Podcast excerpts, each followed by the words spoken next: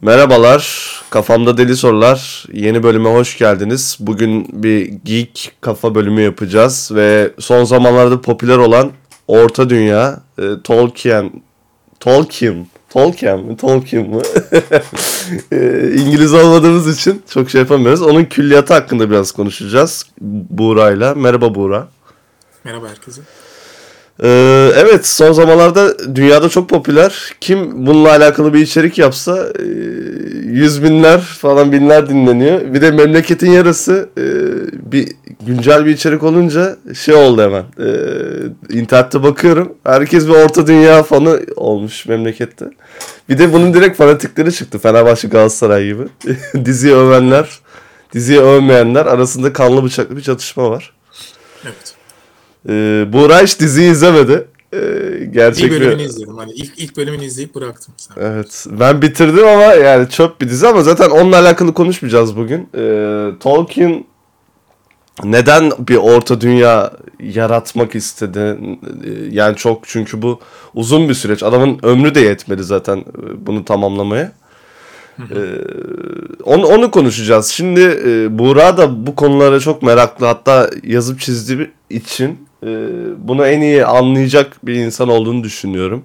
Bir insan neden kafasında bir dünya yaratır? Öncelikle bununla başlamak istiyorum. Evet güzel. Ben de aslında tam şunu diyecektim. Hani Orta Dünya nedirden önce Tolkien kimdirle aslında ufak başlarsak belki hani evreni anlamamız açısından daha iyi olur. Şimdi bir insan neden böyle bir dünya yaratır? Bana bunun cevapları çok aslında değişkenlik gösterir. Yaşadığı dünyadan memnun olmama durumu olabilir. Bir şeyler anlatma dürtüsü olabilir. Ee, çok açık para kazanma arzusu olabilir. Mevcut durumlarda. Yani işte oradan diziye falan evrilirse teliflerden alır başımı giderim gibi duygular olabilir. Hani günümüz dünyasından bahsediyor.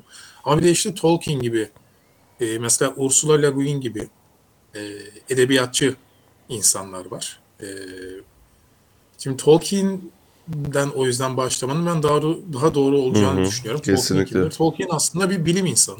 Bunu çok net söyleyebiliriz. Filolog yani. Edebiyatçının ötesinde. Yani bildiği dillerin sayısı hakikaten 10 küsür vesaire. Yarım yamalakları falan katınca 15-16'ya çıkıyor. Bir, bir kere bütün kuzey dillerini biliyor.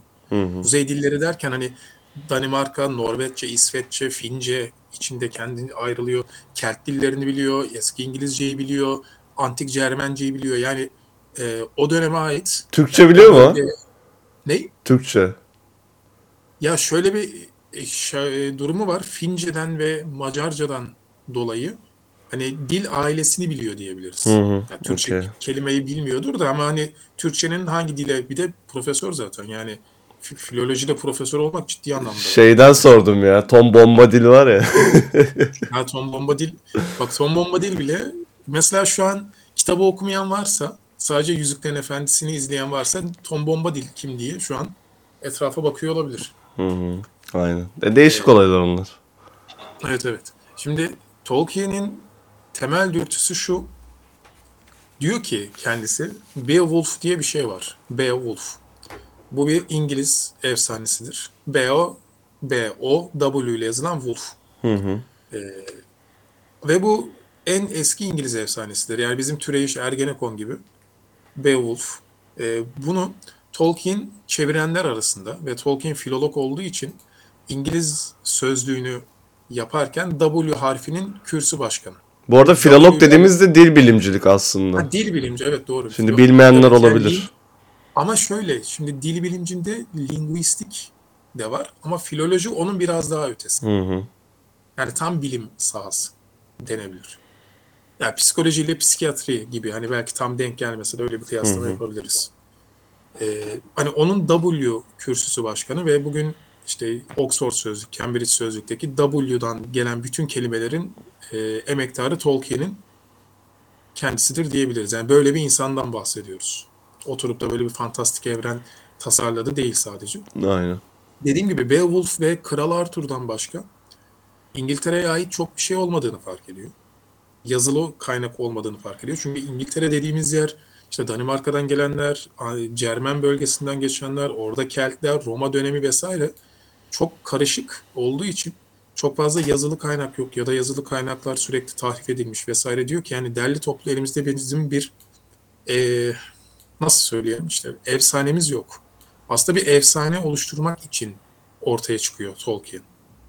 Ve kendi notların, kendi mektuplarında da diyor ki yani baş edemeyeceğim bir şeye kalkıştığımı sonradan fark ettim. Ya bununla çünkü uğraşılmaz. Ya zaten bu efsaneler bir insanın yapılacağı şeyler değil. Bir kültürün, bir topluluğun kulaktan kulağa e, türetmesi gereken şeyler yani. Bir insan her şeyi de yapamaz. Onu bir Yani de topluma nasıl derleyip- öğreteceksin?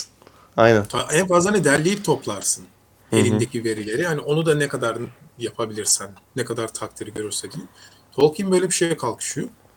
Sonra kendisinin de dediği gibi tabii baş edemeyince e, bu sefer şöyle bir şey yapıyor. Bu kuzey efsaneleri bu arada e, bilmeyenler olabilir. Elfler kuzey efsanesidir arkadaşlar. Yani 1800'lere ait elf çizimleri görebilirsiniz. Tolkien'in daha babası falan çocukken Danimarkalılar, İsveçliler elf çizimleri yapıyorlardı. Balolar için vesaire. Elfler bir kuzey efsanesidir. Cücelerin şekillerine bakarsanız boy itibariyle değil, hayat tarzları olarak Vikingleri görebilirsiniz. Evet altın Öyle meraklısı, sakal- savaş. vesaire. Ellerinde balta vesaire. Yani işte bunu niye anlatıyorum? Tolkien diyor ki madem ben bu İngiliz efsanesi yaratamıyorum o zaman bizim bu kuzeydeki bütün halkların yaşamlarını vesaire bir araya getirerek ben kendim bir dünya oluşturayım diyor. Mesela Hobbitlere bakarsanız da e, biraz daha böyle kültürel İngiliz, İskoç tarzında bir yaşam görebilirsiniz. O e, Hobbit evlerinde vesaire. Diziyi bilmiyorum bu arada. Ben hani burada filme gönderme yaptım. E, Dizide kıl ayaklar var zaten. O da hobbitlerin şeyi oluyor. ataları. Aynen ataları oluyor. Aha. E, hani dolayısıyla Tolkien böyle bir şey yapıyor. E, ha, tabii şeyleri falan da söylemek lazım. Tüm dünyadan esinlendiği yani mesela şey çok aşikar. Bunu yalanlamanın anlamı yok. Mesela orkları Orta Asya kavimlerinden esinlendiği aşikar. Yani orklar Türk biliyorsun. Moğol diyelim de. Şimdi. Öyle bir çok dalga vardı bir ara. Herhalde Orklar Türk Moğol falan yoktur diye. yani. Varsa da hakkını helal etsin ama. Ee, yani yok Orta Asya ama bu böyle mesela aynı şey e, dizi adıyla söylüyorum. Hani Game of Thrones'taki e, şeyler için de kallar için vesaire de geçerli. Yani at sırtında çığlık atarak gelen ve hafif böyle çekik gözleri olan vesaire ve sadece yağm batıyı yağmalayan bir kavim olarak Hı hı. düşündüğümüzde ya buradan esinlendiği aşikar. Biz hani e, reddederiz, bunu kabul etmeyiz ama e, burada dediğim gibi bir Anglo-Sakson profesör kafasıyla bakmaya çalışıyoruz. Tolkien kimdir dediğimiz için. Buna böyle Evet, yaklaşmak. evet. Yani normal zaten adam yoktan bir şey niye var etsin? Olan bir şeyden esinlenip yazmak daha mantıklı ve daha gerçekçi. Daha kabul edilebilir olur. Yani. İşte onu sonradan kendisi fark ediyor ama o hakikaten yoktan bir şey var etmek için. Hani bir İngiliz efsanesi. Daha doğrusu İngiliz demek de biraz sınırlıyor. Bir e, Anglo-Sakson efsanesi. Aynen Anglo-Sakson Yani işin içine efsanesi. Cermenler, işte kuzey milletleri de dahil. Dolayısıyla böyle ortaya çıkıyor aslında. Hı hı. Orta, bu arada Orta Dünya arkadaşlar Yüzüklerin Efendisi değil. Aynen. Onun bir parçası. Biz Orta Dünya'yı konuşuyoruz. Ee, Bir de şey var mesela e, mitoloji yaratamamış ama yani orta dünya da yaratmak kolay bir şey değil. Yani sıfırdan diller üretiyor. e, Kullandığı isimleri o dilden türetiyor. İşte elf isimleri böyle kafadan uydurma isimler değil. Yarattığı dilden oluşan isimler diye biliyorum ben. Yanlış bilmiyorsam. Bak çok güzel bir noktaya değindin. Ee, şimdi şöyle Elfçe'nin kendi içinde Quenya Elfçesi var, Sindaril Elfçesi var vesaire ayrılıyor. Cücelerin dilleri ayrılır. Orkçalar bile yani bakın adam yani bizden işte Orta Asya'dan esinlenmiş vesaire biraz soğuk diyoruz ama onlara bile dil bulmuş. Hı hı. Elfçe dediğimiz gibi zaten kendi içine çok ayrılıyor. Burada değinmek istediğim konu şu. Ee, Orta Dünya'yı yaratıp da Elfçeyi, cüce dilini falan filan oluşturmuyor. Önce kendisi sürekli dili buluyor. Hı hı. 13-14 yaşın ilk dilini hatta 13 yaşındayken buluyor ve burada şunu söylemek lazım.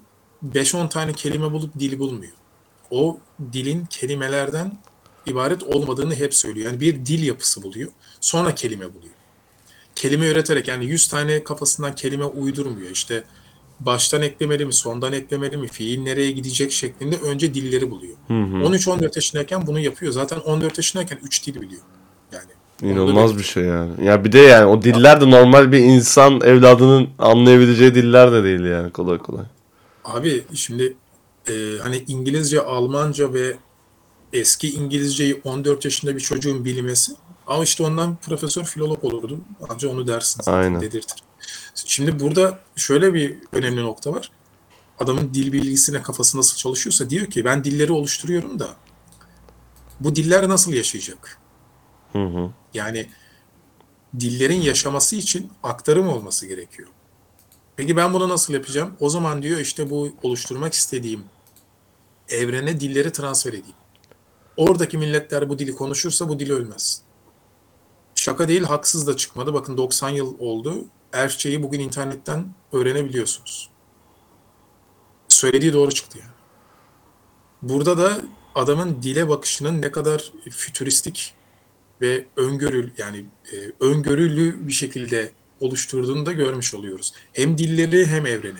Ya Çünkü çok manyakça dilleri- bir şey yani. O yüzden işte Tolkien hani bu işin üstadıdır dendiğinde hiç kimse ya yok ya yani demez. Ha, tarzı eleştirilebilir onlara da geliriz. ayrıca. Ya zaten bir de şey var. Günümüzdeki bütün bu şey eserler işte Game of Thrones vesaire, Harry Potter gibi eserlerin çoğu da Tolkien şeyinden esinlenmedir yani. Oradaki karakterler vesaire Tabii ki. hikayeler. Her şey yani. Adam bildiğin o kafayı yaratmış. Öyle öyle yani şey gibi işte or, e, fantastik evrenlerin piri diyebiliriz yani. Aynen öyle. Herkes ona danışır. Hı hı. İstemeden danışır. Sırf ejderha bile bunun için geçerlidir. Yani ejderha, daha ejderha efsanesine değinmedik bile. Niye altın koruyor sürekli ejderha? Bak Harry Potter'da bile ejderha altının üstündedir. Bu bile istemeden dahi Tolkien'e göndermedir. Yani hepsi değinmek zorunda. Aynen. Ee, Orta Dünya bu şekilde ortaya çıkıyor. Hı hı. Buradan sonra nasıl devam edelim? Orta Dünya'yı böyle yapıyor. Ee, neden Orta Dünya gibi bir şey yani neden bir insanın yaratmak istemesini e, konuşmak gerekirse? Onu mu? Öyle mi devam edelim? Nasıl düşünüyorsun? İşte Tolkien bu, ma- bu maksatla Hı hı. evreni oluşturdu. Yani Tolkien'in maksadı aslında çok düz mantıkla milliyetçilik diyebiliriz. Ya çünkü şey için diyorum. Lafını kestin de çok manyakça bir şey yani. Bunu e, kafanın normal yaşadığın dünyadan kendini soyutlaman gerekiyor. Başka bir dünyayı düşünmen gerekiyor. E, ama zaten Tolkien'in kafası ve Tolkien gibi insanların kafası çok soyut çalışır. Yani dil dediğin soyuttur. Hı hı. Konuştuğun şeyi sembollere dökersin. Yani alfabe dediğin şey senin aslında soyut bir şeydir. Hı hı. Yani alfabeyi görürsün elbette ama A sesini göremezsin. Onu sembolize edersin. B sesini sembolize edersin. Adamın zaten zihniyeti işte efsane yok, efsane oluşturayım, kahramanlar oluşturayım. Zaten hep soyut üzer- üzerinden ilerlediği için e, Tolkien'in soyut düşünme becerisi çok yüksek. Peki sana şeyi soracağım. Bizzat yazdığın için soruyorum. Sana nasıl bir his yaratıyor? Bir kurgu bir dünya yaratmak. Ee, birincisi şöyle, kendi dünyanın oluyor olması sığınabileceğin bir yer oluşturuyor sana. Hı hı. Yani mesela bak bazen izlediğimiz bir filmi tekrar izleriz. Hatta o filmi tekrar izlemeyi severiz. Bunun sebebi merak değildir, oraya birkaç saatliğine ait hissetmektir. Hı hı. Orada var olmaya çalışmaktır. Kendini biraz oyalamaktır. Bilerek aslında yaşadığın hayattan kaçmaktır. Kendi oluşturduğun evrene kaçmanın böyle bir güzel tarafı var. Tamamen kendi oluşturduğun evrene kaçıyorsun. Bir başkasının da evrenine değil. Hı hı. Anlatabildim mi? E bu seni daha fazla besliyor. E hayal gücünü de besliyor. Bir de şöyle bir enteresan bir taraf oluyor. Dönüp de kendine yani o oluşturduğun şeyi okurken aa ben böyle böyle şeyler mi düşünüyormuşum?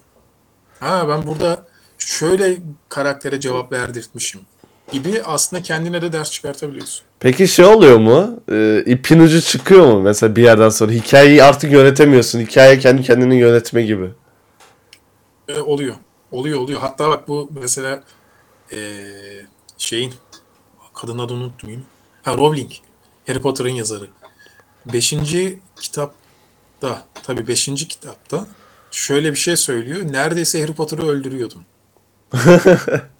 diyor. Yani Harry neredeyse ölüyordu diyor. Şimdi bu e, işte şey demek yani aslında her yazarda oluyor bu. O yüzden zaten yazarlar yazdığı şeyleri değiştiriyor. Mesela Tolkien de 50 kere değiştirdi. Konu belli ki onun istediği yerden sapabiliyor yani. Ben böyle olmasını istemiyordum deyip bir daha bir dönüp orayı değiştirebiliyor. E, dolayısıyla tabii bunlar oluyor. Ama bu her e, çizim için de geçerli. Mesela çizdiği şeyi de insanlar değiştirebilir. Heykeltıraşta belki bu biraz pek mümkün olmayabilir ama. Ya bunu şey için dedim. böyle.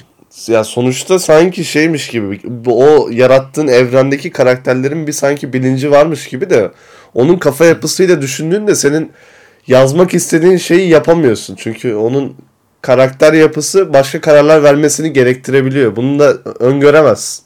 Dediğin gibi Rowling'in yaşadığı olay. Ya bu çok absürt bir Evet. olay bence. Ya sanki bir yapay Biraz- zeka yaratıyorsun.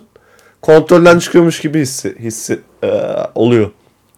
Ya bir bak işin içinde hafif e, şizofrenik taraf olan bir şey. Bunu kabul etmek gerekir. Çünkü insanların karakterini bile anlayamıyorken hani karakter oluşturup da kendinden bir başkaları yani sen değilsin, senden çıkan başkalarını hepsi de birbirinden farklı olabilir, çatışmalar olabilir. Onlara bir nevi orada sürekli hepsine empati yapma duygun. Orada böyle mi cevap verir, şu şurada şöyle mi cevap verir? Birkaç parçaya bölüyorsun yani kendini. Bir Orta Dünya'yı konuşmadan önce, Tolkien'e gelmeden önce ben gene buradan birkaç soru soracağım. Ee, şöyle bir şey soracağım. Bu tarz evrenlere girmenin, okumanın da çok sakıncalı bir şey yok mu? Normal mesela VR teknolojisinde de şey deriz ya. E, VR teknolojisini çok beğendiğinde oradan çıkmak istemezsin. Dış dünya çok bok gibi gelir. Yaşamak istemezsin. Sadece yemek ve tuvalet ihtiyaçlarını gidermek için normal hayata dönersin. Bu evrenlerde de aynı şey geçerli değil mi sence? Burada şöyle bir durum var. Ee, bıçaklı ameliyat mı edeceksin, cinayet mi işleyeceksin muhabbeti var ya. Aynen. Yani senin o konuya nasıl yaklaştığınla tamamen alakalı bir şey. Ee, evet, insanı gerçeklikten koparıyor mu? Koparıyor. Ama bazen de gerçeklikten kopmaya da ihtiyacımız var. Hı hı. Zaten o yüzden beynimizde bizi hani manipüle eder bazen. Çünkü gerçek her zaman bizim istediğimiz gibi gelmez. Şimdi burada aslında biz hem psikoloji hem edebiyat konuşuyoruz. Şuna değinmek gerekir. Tragedya dediğimiz şey antik Yunan'dan gelen hani bizim trajedi. Aslında nedir? İrade ile kaderin çarpışması. Hı hı. Yani oradaki iradeden kastım bir kahraman vardır. Kahramanın istedikleriyle hayatın getirdikleri zıtlaşınca ortaya bir trajedi çıkar. Hı hı. Doğru değil mi? Evet doğru. Ee, hı. Şimdi o yüzden hayatın getirdikleri bazen trajediye de götürebildiği için manipüleye uğramak bilinçli bir şekilde bazen insanı besler. Bu işin bir kısmı. İkinci bir kısmı sen her şeyden ders de alabilirsin. Fantastik evrenlerden mesela işte Orta Dünya'dan bahsediyoruz. Oradaki güç yüzüğü o sadece bir figür. Hı hı. Güç yüzünün insanları, canlıları, türleri ne hale getirdiği ve alakalı bir Hı hı. e, çıkarım yapabilirsin. Harry Potter evreninden dostluğun ve insanları bir arada tutmanın ne kadar önemli olduğunu ve şimdi mesela çok ufak bir bir dakika bir şey değinmek istiyorum. Harry Tabii. Potter evreni hani konuyu açıyor diye. Mesela Harry, Ron, Hermione değil mi? Üçü de aslında farklı şeyleri sembolize ediyor. Harry cesareti, Hermione aklı, Ron da hafif saflığı ama bağlılığı temsil ediyor. Hı hı. Sadakat Bunun üç- diyelim Ya mesela. sadakat. Bunların üçü de tek başına hiçbir şey yapamaz. Hı hı. Yani Hermione de tek başına hayatta kalamazdı çünkü Harry kadar cesur değil. Harry tek başına hayatta kalamazdı. Hermione'nin zekası gerekiyor vesaire gibi. E buradan sen şöyle bir çıkarım yapabilirsin. Ben tek başıma yetemeyebilirim. Başkalarıyla birlikte hani bir elin nesi var, iki elin sesi var gibi çok basit. Bir. Harry'e böyle de bakabilirsin. Aa keşke bu dünyada büyü olsaydı deyip elinde asayla salak salak hareketler de yapabilirsin. Senin oradan ne almak istediğin. İşte Voldemort da olabilirsin. Dumbledore da olabilirsin. Vesaire vesaire. Yani bütün bunların normal hayatta şahsileştirip kendine pay da alabilirsin. Ve işte bunun sadece bilgisayar başında 15 saat oyun oynayarak Harry Potter manyağı da olabilirsin. Doğru, doğru, Tamamen haklısın. kişiyle alakalı. Yani Aynen. o evrenden ziyade. Yorumlama şeyi bağlı aynen öyle. Ee, o zaman çok güzel açıkladın mı? Bence çok keyif aldım şu zamana kadar. Bir de orta dünyaya girmek gerekirse nasıl yapalım? Direkt çıkamayız Silmarillion. işte, Ya bir şey mantığını konuşmak istiyorum. Silmarillion e, zaten bu işin şeyi yaratılış şeyi. Mesela bir onda da bir enteresan bilgi var. Normalde Tolkien Silmarillion'ı yayınlatamıyor. Kimse yayınlamıyor. Hobbit'i yazıyor. Hobbit yayınlanıyor, tutuyor. Anca öyle zar zor Silmarillion'ı çıkarabiliyor. O da çok enteresan bir olay. Evet. Ee, yani bu Tolkien'in yaratılış mantığı sana göre nasıl işliyor? Yani dünya düzeni, oradaki o işte yüzük mantığı, Silmarillion isminden gelen o taş mantığı. Sen felsefik veyahut da psikolojik olarak nasıl yorumluyorsun?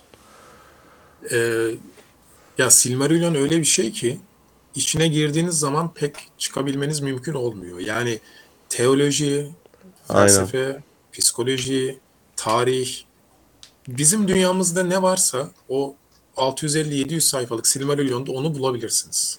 Yani birebir mesela bakın Yüzüklerin Efendisi üçlemesinde bulamazsınız. Silmarillion başka bir şey. Yani e, bir fantastik evrenin kutsal kitabı var mıdır? Vardır. Oraya kadar var etmiş. Çünkü tanrılarla baş, tanrıyla başlıyor. Sonra tanrılara iniyor iş.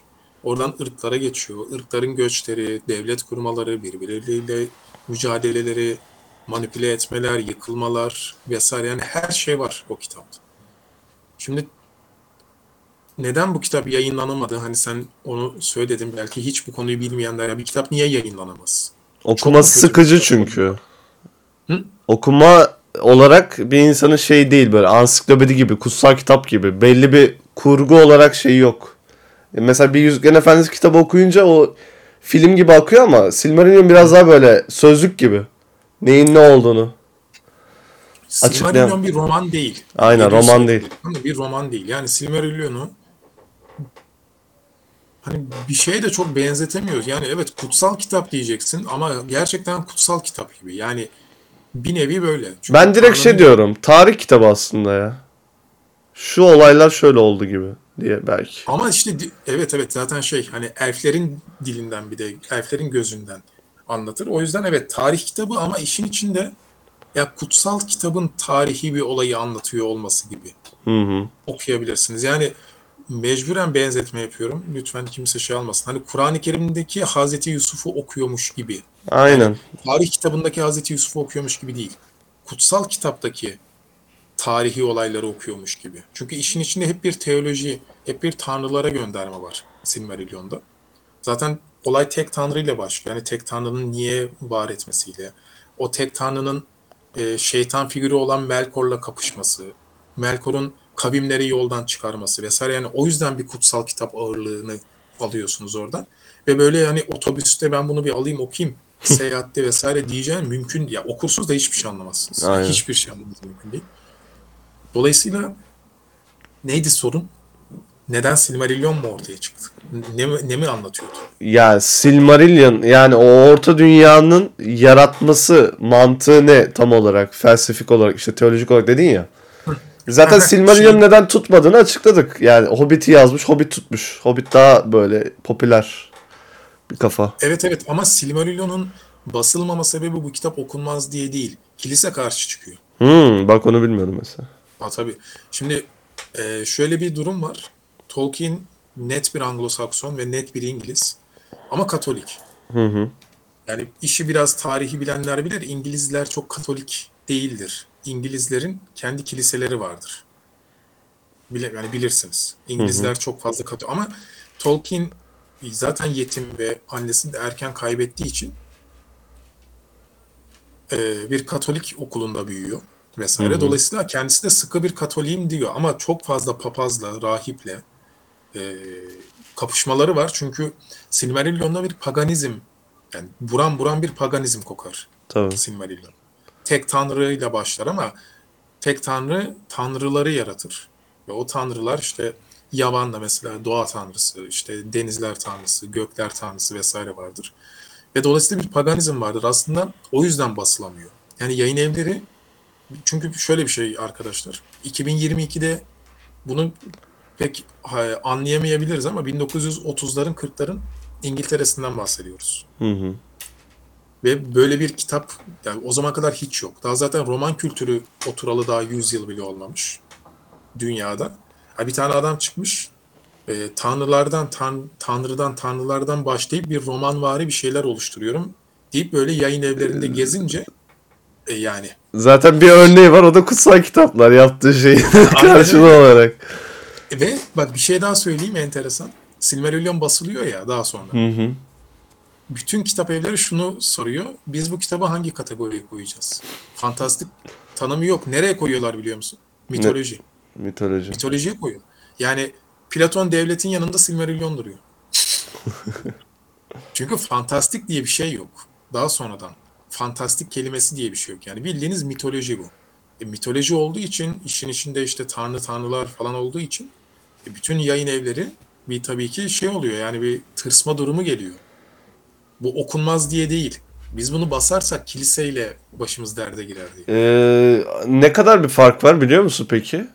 Hobbit'ten sonra ne kadar sonra çıkıyor Silmarillion baskı falan? Ee, şey görmüyoruz zaten.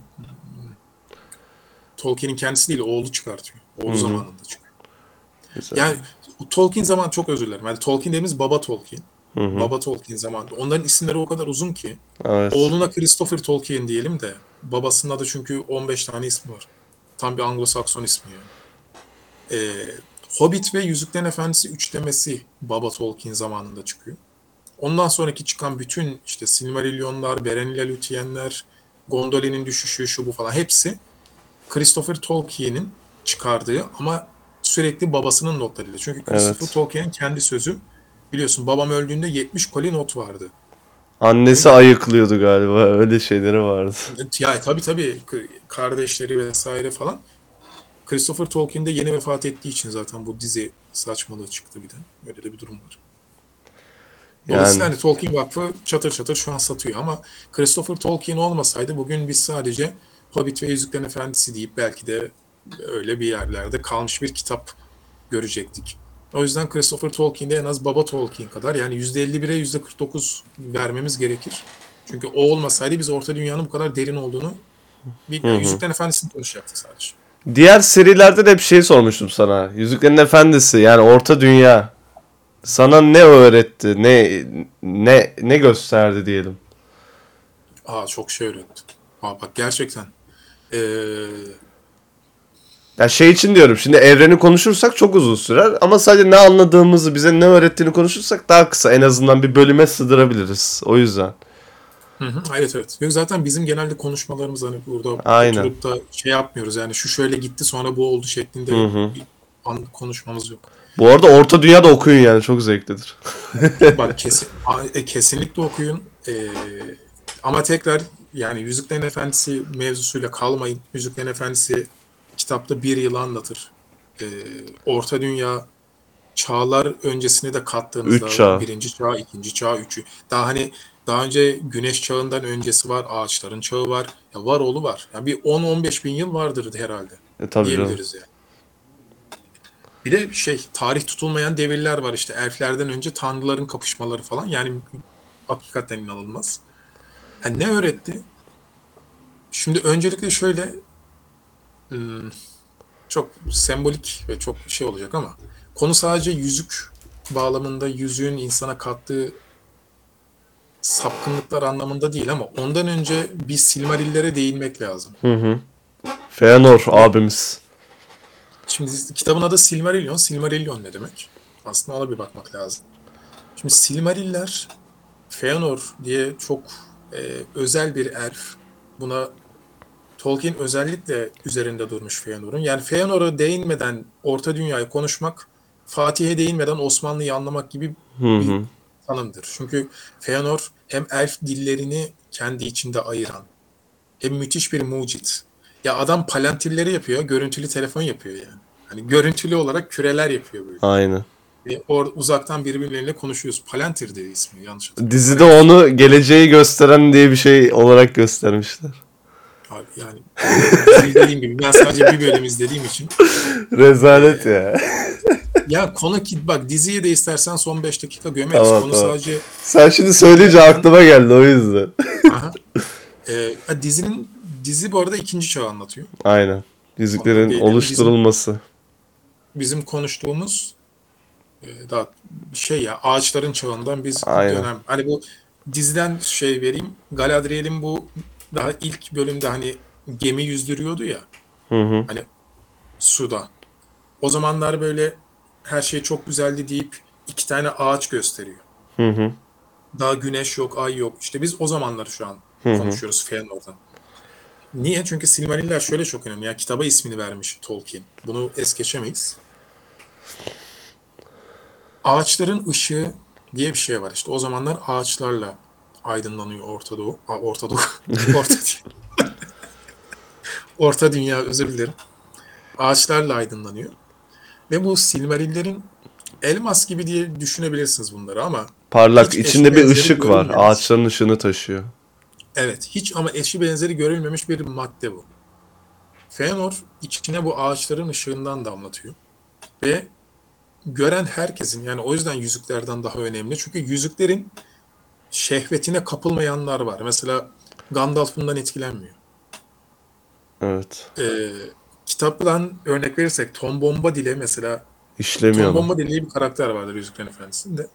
Hatta şöyle bir fikir ortaya atılıyor. Ya biz yüzüğü Tom Bombadil'e versek Gan- Gandalf ne diyor? Ya onu unutur bile. Sikine takmaz diyor kısaca. ya o başka bir kafa yaşıyor. Yanında altın yemişle birlikte. Ee, bir dünyası var orada. Aynen. Ee, işte mesela Elrond aynı şekilde bak bunlar yüzüğü yok etmek için planlar yapabiliyorlar. Fakat Silmarilleri görünce etkilenmeyen yok. Tanrılar birbirine girmek üzere. Silmarillere sahip olmak için. Ki keza da giriyorlar. Evet. Ee, işte orta dünyada ee, çıkartılacak sonuçlardan biri bu. Yani ee, bir şey seni çok fazla cezbettiğin zaman kendi karakterini, kişiliğini kaybedebilirsin. Ve bazı durumlarda yüzüğü mesela burada değinecek olursak eğer kendini o- o şeyden uzak tutamıyorsan o şeyi yok et. Ya bu bir simge. Yüzük olur. Silmarillion olur. Güç olur. Para olur. Ne, neyi koyarsan ya. Tabii ki. Burada Sevdiğin bu arada kadın olur benim- yani. Ha, yok et dediğim işte hani şey yani o şeye illa zarar ver anlamında gibi bir şey. Kafanda O bitir. şeyi kafanda bitir ya da oradan uzaklaş. Yani çünkü bazı şeyler iradeyi aşıyor. Yani istediğin kadar mantıklı bir şekilde ben bundan uzak duracağım diyemezsin. Şimdi çat diye bambaşka bir şey, örnek vereceğim ama aslında çok denk. Ee, mesela Kur'an'da zina yapmayın demez. Zinaya yaklaşmayın der. Çünkü yaklaşan yapar. Hı hı. Bu çok ince bir psikolojik noktadır. Yapmayın değil, yaklaşmayın demez. Çünkü yaklaştıktan sonra kaçarın yok.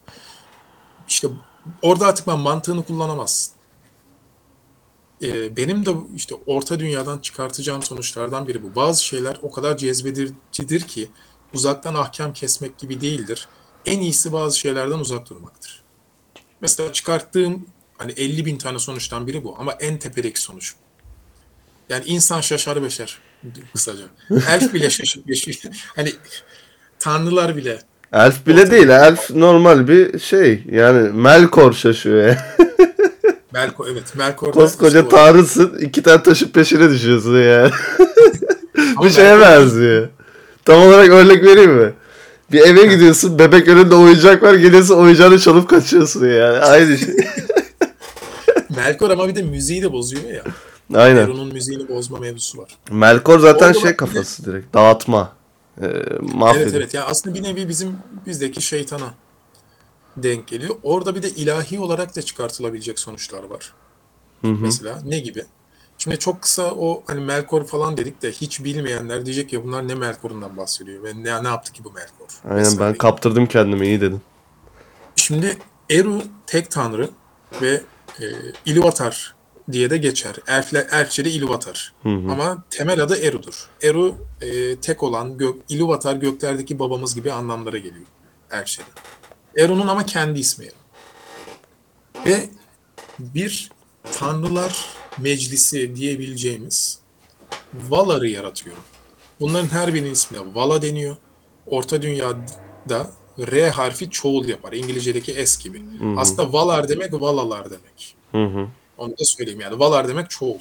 Bunların her birini oluşturuyor. İşte Bir de Mayalar birisi var. Valar'ın da bir alt. Onların yardımcıları da var. Aynen. Yani bunlar da onlar da kendilerine yardımcı. Ama işte bunlar ne yapıyor? Dediğim gibi mesela Yavan'da işte doğa tanrısı. Ulmo işte deniz tanrısı. Hani böyle yorumlayabiliriz. Ama bunları niye yapıyor? Daha ortada hiçbir cisim falan yokken Hı hı.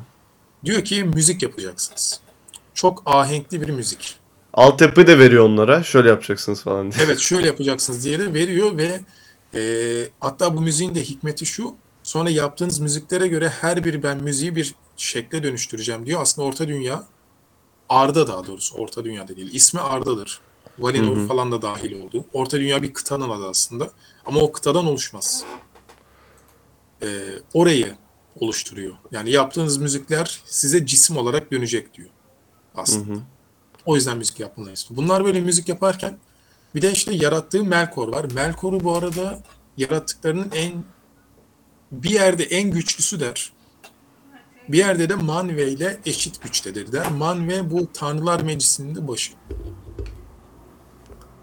Ee, Manve var. Yani Eron'un bir altında Manve var diyebiliriz. Tanrılar Meclisi ile tek tanrı arasındaki en güçlü varlık. Ama Melkor'un onun gücüne eşit olduğu söylenir.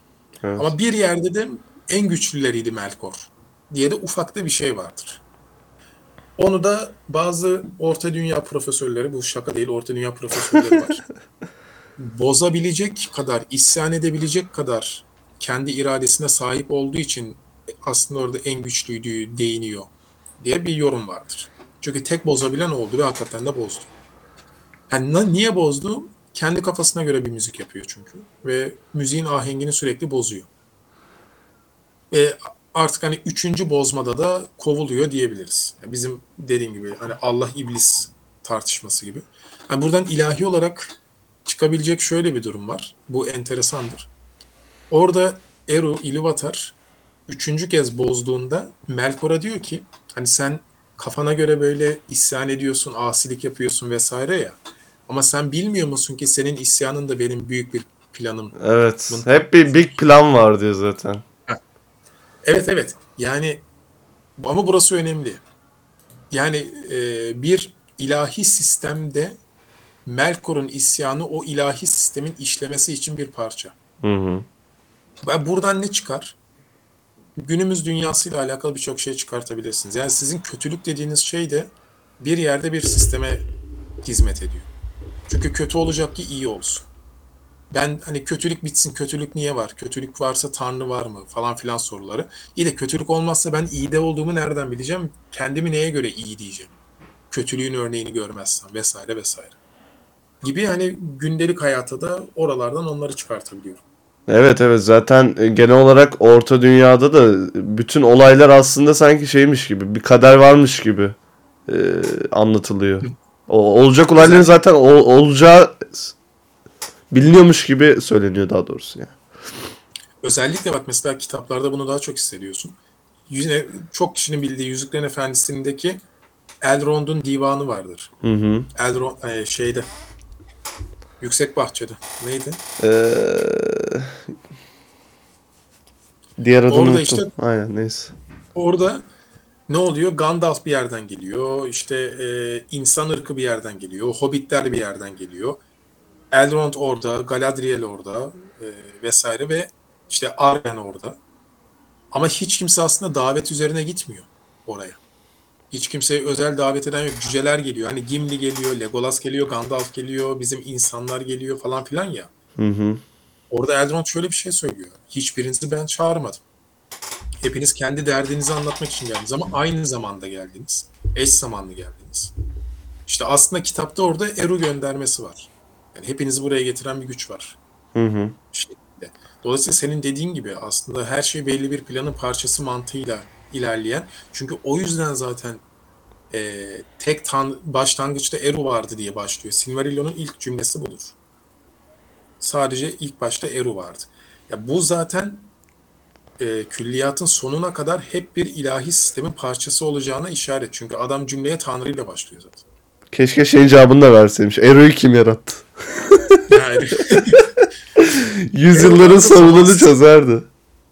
Eru Zamansız Salonlar adı verilen bir yerde ki bu isim de çok enteresandır. Yani zaman bile yokken Eru vardı göndermesi de. Çok enteresan. Kaç yıl önce adam neyi düşünmüş yani. Ama işte çok iyi bir Katolik ve dil bilimci olduğu için hem dili hem dini bir araya böyle harmanlayabiliyor. Ama tabii ki hani Tolkien'in de edebi edebi anlamda pek olması da kurgusal anlamda eleştirenler var. O da ayrı bir konu. Eleştirilebilir bu arada. Eleştirilebilecek yönleri yani 2022'den daha yani 2022'deyken daha rahat görebileceğimiz bazı konular var. Konuların tabii canım. çok yavaş ilerlemesi, gri karakter olmaması. Yani insan yani ya elfsin ya da orksun. Çok siyah beyaz. Yani Gandalf'a baktığında bundan bir kötülük çıkmayacağını biliyorsun mesela gibi. Yani evet doğru söylüyorsun. Öyle düşününce aynen öyle. Öyle bir eleştiri var. Yok hani o en büyük eleştiri yani sürpriz çıkmıyor. Ve mesela Feanor gibi böyle çok ekstralar haricinde konu karakterler üzerinden değil toplumlar üzerinden ilerler. Yani Ama- e, bu karakter şunu yapmaz, şu karakter bunu yapmazı Orta Dünya'da pek böyle mümkün değil. Yani o kadar karakter analizi yapamazsın. Benim gözüme Birkaç batmıyor ama. Öyle olması daha iyi değil mi? Yani mesela gene işte Sauron gibi tipler falan var yani. Onlar zaten hikayeyi götürüyor bence. Ama işte orada da şu eleştiri var ya abi Sauron Sauron zaten. Abi hep kötü olacak. Yani acaba böyle bir meyledecek mi heyecanıyla arka sayfayı çevirme olayı olmadığı için eleştiri yapılıyor. Mesela bu eleştirilerden biri. Babacım o zaman Amazon'a niye soruyoruz biz? Adamlar kendileri bir şey yapmaya çalışmışlar yani. Heyecan katmaya çalışmışlar. Abi Amazon'un sıkıntısı ne biliyor musun? İlk bölümü izledikten sonra bitirdim. Bıraktım. Konu sadece şey değil. Külliyattan dışarı çıkabilirsin. Harry Potter'da da çıkıldı. Hı hı. Ee, Game of Thrones'ta 95 bin kere çıkıldı. Hepimiz son sezona kadar böyle ağzımız açık izledik. Konu e, yüzükler, yani güç yüzükleriydi değil mi dizinin adı? Evet. Kendi içinde 80 bin tane çelişki içeriyor olması bir bölümde. Yani e, Yüzükleri külliyat 5 dakikada yaptılar biliyor musun? vardı mı? Ve Abi ilk elim, elim boş. Hayır bir de ilk yaptıkları sadece şey yaptılar ha. 3 tane elf yüzüğü yaptılar. Öyle bitti. Aynen hiç şey yok. Mesela 600 yıl sürüyor ya normal yüzüklerin yapılması. E, 7 tane insana veriliyordu. Ne oldu? Hiçbiri İnsanlar yok. beş- Hiçbiri yok. Sauron herhalde kendi dövecek onları. Sauron da zaten insan olarak geldi. O da ayrı bir saçmalık. Yani artık diyorum ya abi e, Abi çok Konu komik sadece- ya. bu külliyata uymuyor meselesi değildi. Şimdi Aynen. Bak sen ikinci çağı anlatıyorsun. Benim hadi Galadriel'i aldın, alladın, pulladın, bambaşka bir hale getirdin. Yani elinde kılıç var, at sırt, yani o kadar asil kadın. Bu demin bahsettiğimiz Feanor'un yeğeni bu kadın. Aynen. Ağaçlar çağından beri dünyada olan bir kadın. Yani binlerce yılın bilgeliği olan asil bir kadını beygir sırtında at koşturuyor. Böyle beygir sırtında at koşturan ne demekse. at sırtında böyle elinde kılıçla savaştıran bir şeye dönüştürdün. Tamam. Ama bak şöyle bir sıkıntı var. Sen şimdi ikinci çağı anlatıyorsun. Hı hı. Ağaçlar dönemine de gönderme yaptın değil mi? Valinor'a. Orası Valinor'dur. Aynen. Cennet diyebiliriz. Şimdi bu kadın niye geldi Orta Dünya'ya? Tek bir sebebi var. Ben hiç kimsenin boyundurluğu altında olmayacağım. Kendi memleketimi kuracağım. Mantığıyla geldi. E sen bu kadını emir alan bir askere çevirmişsin. E niye geldik o zaman bu kadın? Yani emir alacaksa Valinor'da tanrılarla takılıyordu zaten. Aynen keyif yerindeydi orada. E kendi içindeki çelişkilerden dolayı. Yani bu yüksek kralın adı neydi ya? Ee, Gilgalat. Ha Gilgalad. Hadi onu bu arada berbat yapmışlar Gilgalad'ı. Yo bence gene okey yani. O kadar kötü ki. Gilgalat'ın tipini falan beğendim sadece, sadece. Ama aynen kimse sikine takmıyor. Gilgalat bir şey diyor. Herkes "E, tamam kralım falan deyip arkada başka bir şey yapıyor. Hayır bu arada haklılar öyle yapmakta. Niye biliyor musun? Kötülük yükseliyor diyen bir askerin var sen aman başımıza bir şey gelmesin diye onu Valinor'a postalıyorsun. Sana kadın haber veriyor. Bak diyor ki kötülük yükseliyor. Sen yüksek kralsın. Aman Ali Rıza Bey başımıza bir şey gelmesin tadında. Sen bir de Valinor'a Gilgalad birini gönderebiliyor. Tanrıların nere meclisine. Aynen. Tanrıların Sertifika dağıtıyor bedava. Alın sertifika uluslararası. Galadriel orada kayıktan atlayıp orta dünyaya yüzüyor falan. Ya abi böyle bir şey. Ve e, denizde Sauron'la karşılaşıyor. Orayı izlemedim işte orası ikinci bölüm. Aynen. Teknede bir tane e, şey olmuş. insanların arasındaki bir tane insan da Halbrand diye. Halbrand. O da güya Sauron'muş. Ne, ne hikmetse. Hı. Nereden geldi oraya denk geldiler falan işte çok garip. Aptalca bir şey yani. O yüzden onu demek istiyorum. Şimdi Gilgalat Gilgalat gibi değil. Çünkü işte e, külliyattan ayrı davranıyor mantığında değilim ben. Bakın onu dediğim gibi hiçbir uyarlama külliyattaki gibi olmayacak zaten. Bunu kafamıza vura vura bize anlattılar. Ama mesela niye dediğim gibi Game of Thrones'u izledik? Çünkü hikaye kendi içinde son sezona kadar tutarlıydı. Ama zaten dördüncü sezondan itibaren kitapla alakası yoktu ki neredeyse. Ama tutarlıydı. İzletiyordu kendi içinde. Buradaki konu öyle değil. Yani senin en güçlü askerin orada Galadriel. Ya 7 kişiyle Melkor'un peşinde koşuyor abicim. Allah'tan bulamadılar Melkor'u gittiklerinde. Yani bulsalar... Melkor değil Sauron'un Sauron, peşinde. pardon. Ya Sauron'un peşinden koşuyorlar ya 7 kişiler ya. bir video izledim. Sauron e, şey neydi? Galadriel Sauron'u bulsaydı deyip böyle şey yapıyor Sauron. Ağzına sıçıyor. Yani abi diyorum ya iyi ki bulamadılar. 7 kişiyle. Hadi ya bu kadın neyse abi diyorum ya. Oğlum daha ne beter şeyleri var ya. Bak Ya ben sadece ilk bölümü konuştum. Adar diye bir karakter var diyor ki ben Sauron'u ikiye böldüm diyor. Aha, kim bölmüş? Adar. Bu ilk kırılan elflerden. Orkların babası. Amazon orijinal bir karakter. İşte bu Belli belli. Melkor'un kırdığı elfler var ya. Yarı ork gibi böyle. Onlardan birisi. Sauron'la kafam attı diyor. Sauron'u öldürdüm diyor. Diyorum yani o yüzden ama şöyle bir şey söyleyeyim. Bu dizi izleyip beğenen varsa ha ne olur Silmarillion'u bir okuyun. Orta Dünya'yı bir okuyun. Aşık olursunuz o zaman. Ya bu diziyi beğeniyorsanız bu arada çekimleri, mekimleri, oyunculukları vesaire şey Müthiş. demiyorum. Yani Müthiş. Galadriel hakikaten tip olarak yani sima olarak tam bir Galadriel. Ben beğenmedim Ama- ya. Filmdeki daha iyiydi. Abi yok ben şey huy olarak asillik anlamındaki demiyorum. Yok yok tip olarak da ben filmdekini beğeniyordum. Ya o kadının adı neydi zaten? Şey, Ee, unuttum. çok ünlü bir oyuncu. Benjamin Button'daki kadın işte. Evet evet. Şeyde de oynuyordu. Unuttuk. Thor'da da Ama oynuyordu. hı, yani e, dediğim gibi hikaye kendi içinde saçmalık gösterdikten sonra ona vakit ayırmanın anlamı yok. Çünkü Aynen öyle şey- ya. Zaten kurgu olduktan sonra Gandalf'ı git pembe Gandalf yap yani. Önemli değil. Mantıklı Abi açıklamasını yaptıktan sonra. Ya Zenci Hobbit var ya İngiliz milletinden esinlendiriyoruz abi. Yani Ya hadi o da olsun. Ona da okeyiz yani. abi social justice böyle bir şey değil. Ama yapacak bir şey yok abi. Şimdi zenci çocuklar da izlesin. Ben ileride Gandalf elf olabilirim desin ya. Yani hadi diyorum ya onlara artık bak bir de mesela benim bir arka Çağlar'ı biliyorsun ya. Aha, isim biliyorum. verdik ama. Sorun değil. Çocuk Selamlar. şöyle bir şey demişti. Yani, selamlar. Çocuk şöyle bir şey demişti abi ne- kadar haklı çıktı ya. Bak dedi bu dizi o kadar kötü gelecek ki siyah elfleri eleştirmeye vakit kalmayacak demişti. Valla e, vizyoner. Hı? Ben bu arada siyah elfleri beğendim.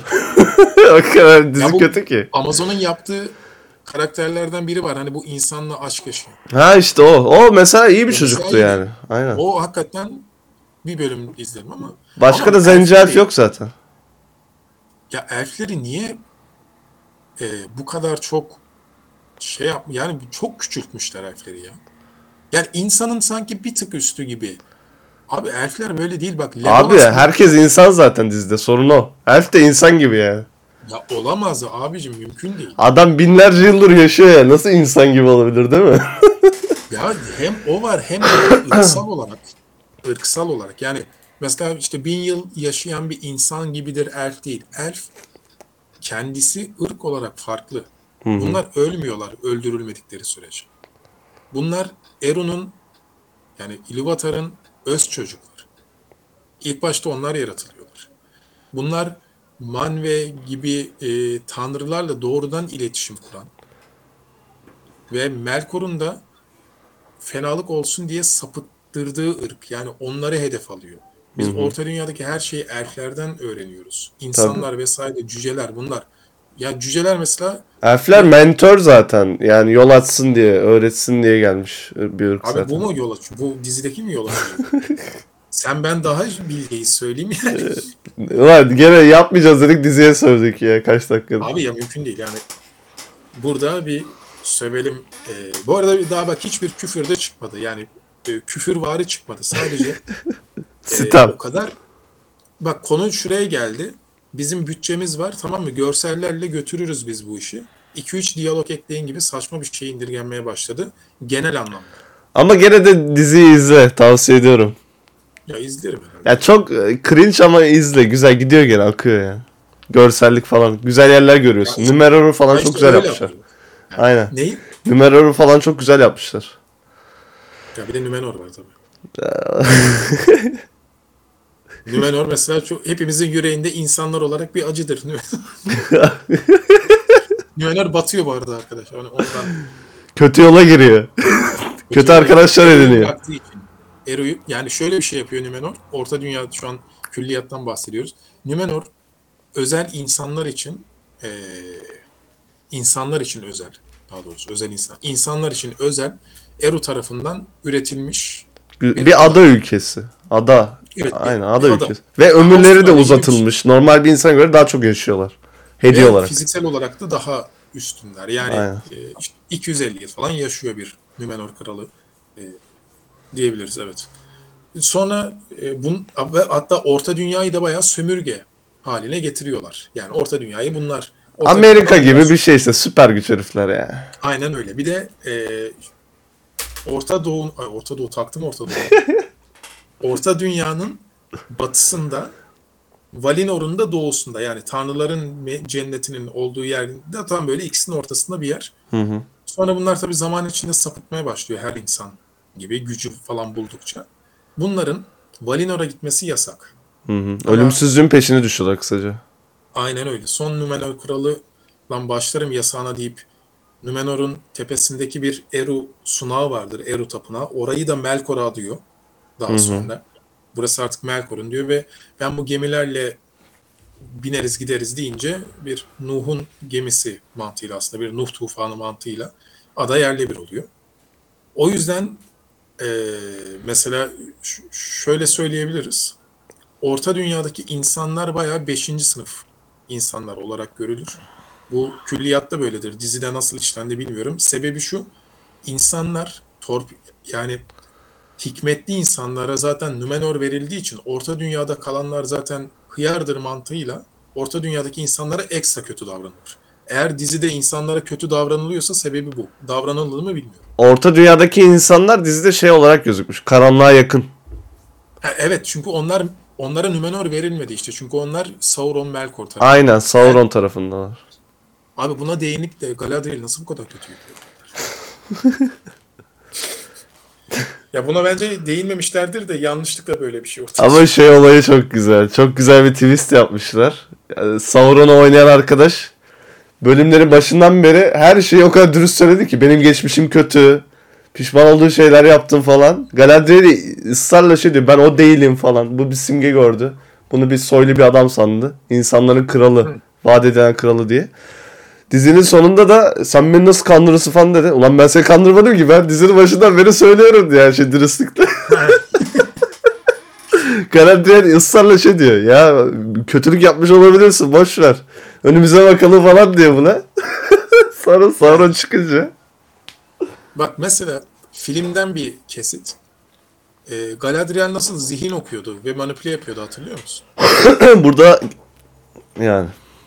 Orada elinde kılıçla işte öyle takılan bir insan gibi değil mi? Burada tam Sauron- tersi Sauron manipüle etti Galadriel'i. Kafasına girdi falan. Ha, Sauron'da öyle bir güç var. Sauron daha güçlü zaten de her türlü. Tabii tabii. Eğer öyle bir durum varsa tamam ona bir şey demem. Aynen. Sauron'un olayı başka. Yaşılmış. Yani buradaki en büyük konu o. Irkların eee maceralarını, ırkların yani toplumların farklı ırktaki toplumların tarih boyunca neler yaptığını öğrenebileceğiniz bir yerdir Orta Dünya Külliyatı. Burada öyle değil. Burada insanlar sadece farklı tiplerde, farklı şekillerde gibi. Bu arada bölüm 54 dakika olmuş. Yapabiliriz istersen. Bitire, bitirelim bence çok Zaten diziye uzamasın. su- giydiriyoruz 10 dakikadır ya. Yani zaten çok detay anlatamayız yani Orta Dünya bizim bizden daha iyi anlatanlar da var zaten Türkiye'de de. Tabii canım biz öyle Bununla hikayeler var. Hatta tavsiyede neydi? Murat abi var. Sonra Orta Dünya ve Orta Dünya Leg- Legendaryum ya da Legendarium diye okunan bir de Murat abi. aynen onlar Ama var. Bir Zafer sürü abi, kaynak. Murat abi. Murat abi var. Ejderha diye geçen. Mahlası odur. Bir de Zafer abi vardır. Orta Dünya Legendarium. Onun haricinde başka kanalları da Biz işin felsefi, felsefik kısmına girdik. Onlar da işin e, profesör e, makale Tabii. okuyan tipler. Abi Zafer abi dediğimiz adam bu şaka değil bir e, ev duvara büyüklüğünde kim kimin soyudur, kim kimin oğludur diye özel şey var ve Orta Dünya Dilleri diye de bir kitabı çıktı. Aa, Tabii. Bilmiyordum. e, onu alınabilir. Bu, bu arada biz iyi reklam yaptık şu an. reklama ihtiyaçları yok ha. O zaman Bizimki zaten şey Mert pardon bitiriyoruz. Ee, zaten hani Orta Dünya sa- salt Orta Dünya muhabbeti olmadı. Sen şey dedin yani bir insan niye böyle bir fantastik evren oluşturur vesaire yani psikolojiyi falan konuştuk. Hı hı. Zaten öyle bir pro- program ya da yayın değil yani. Aynen haddimize değil zaten o kadar bilemeyiz de. Ee, o zaman kapatıyorum. Eklemek istediğin bir şey var mı? Aa güzel muhabbetti. Bence de çok zevkliydi. e, inşallah görüşmek üzere. Görüşürüz. Kendinize çok iyi bakın. Dinlediğiniz için de ayrıca teşekkür ederiz.